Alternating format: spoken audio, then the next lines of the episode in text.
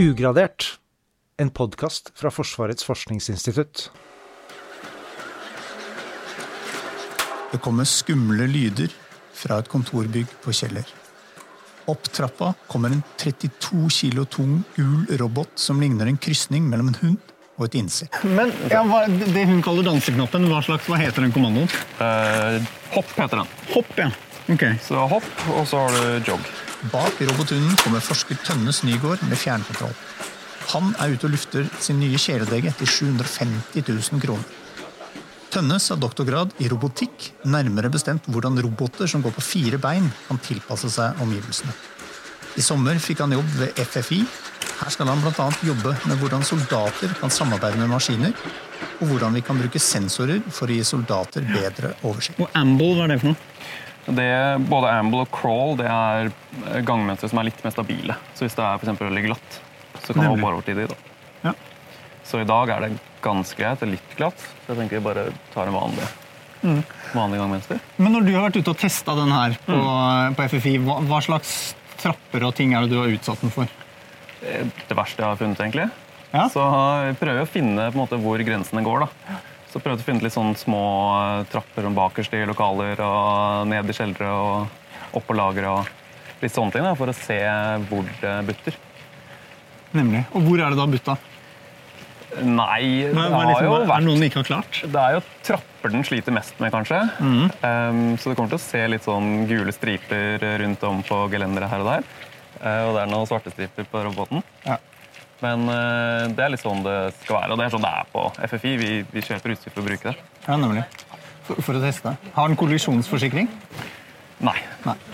Så det vil, den har en uh, garanti, men det er jo, jo på en måte hvis du følger deres uh, Ja. råd, da. Og det gjør vi jo ikke. Nei, for vi skal jo teste grensene. Vi skal teste grensene, Ja. og det, det, det er jo ikke de villige til å betale for. Det Nei. står vi for selv. Der er vi på joggemodus.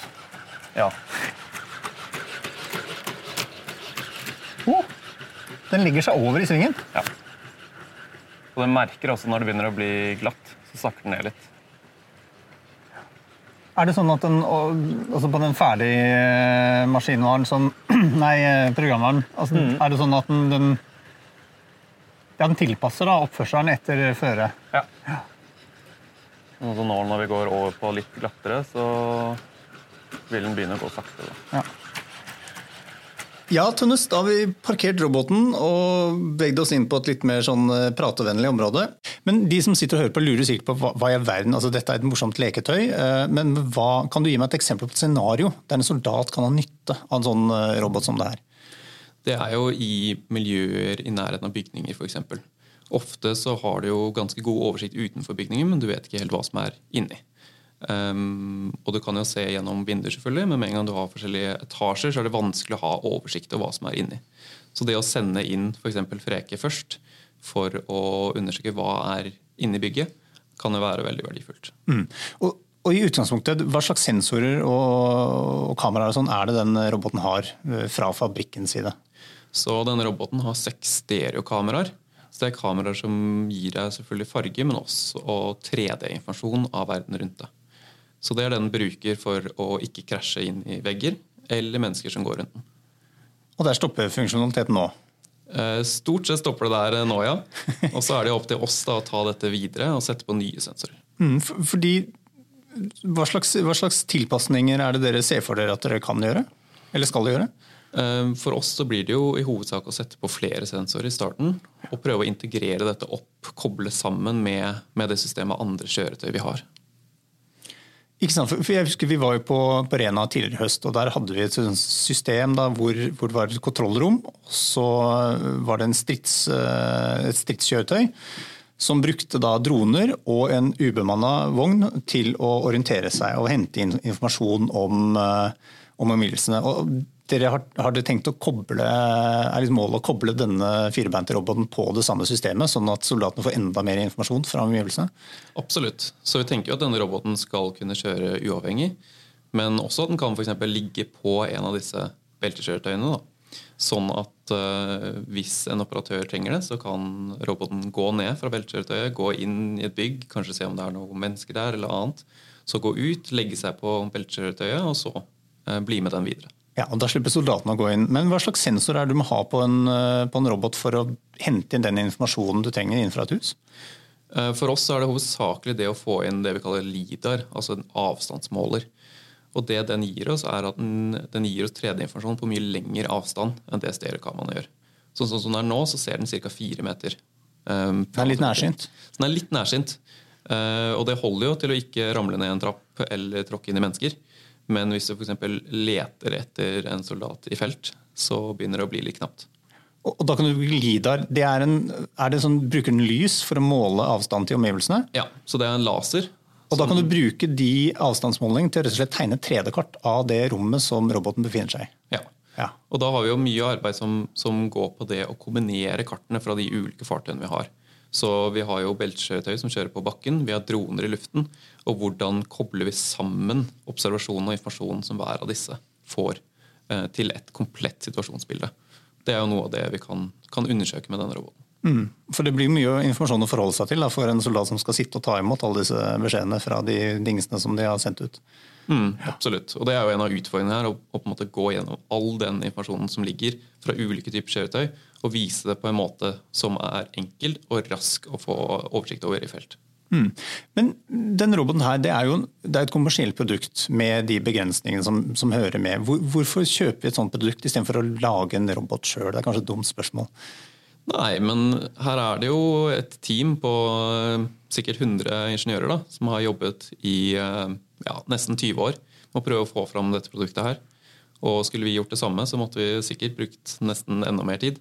Så det er jo en måte å raskt få testet og prototypet løsningene og finne ut om dette er noe for eh, FFI og for Forsvaret. Mm. Og, og, da, for da tar vi liksom den teknologien som allerede eksisterer, og så prøver vi å tilpasse den, og, og så bygge videre på den. Har, har dere møtt noe, Nå har dere kanskje ikke gått inn i programvaren på denne roboten ennå, men har, hva slags utfordringer, er det noen utfordringer der? Ja, så Det er jo det vi må gjøre etter vi har fått, et, fått en forståelse for hvordan roboten fysisk fungerer. Vi må se hvilken tilgang har vi til funksjonen som ligger der allerede, og hva må vi eventuelt utvikle selv.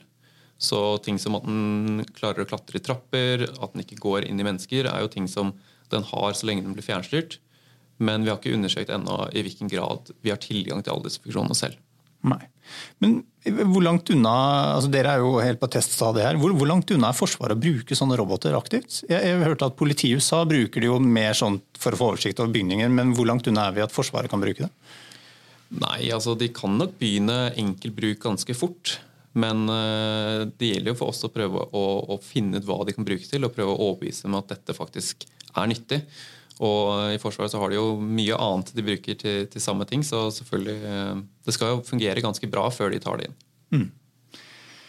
Uh, så, så, tenkte jeg det er jo, Når folk hører sånn ordet robot og Forsvaret, så, så, går det noen, sikkert noen varselbjeller, og folk ser for seg Terminator-filmer osv. Altså, hva med etikken her?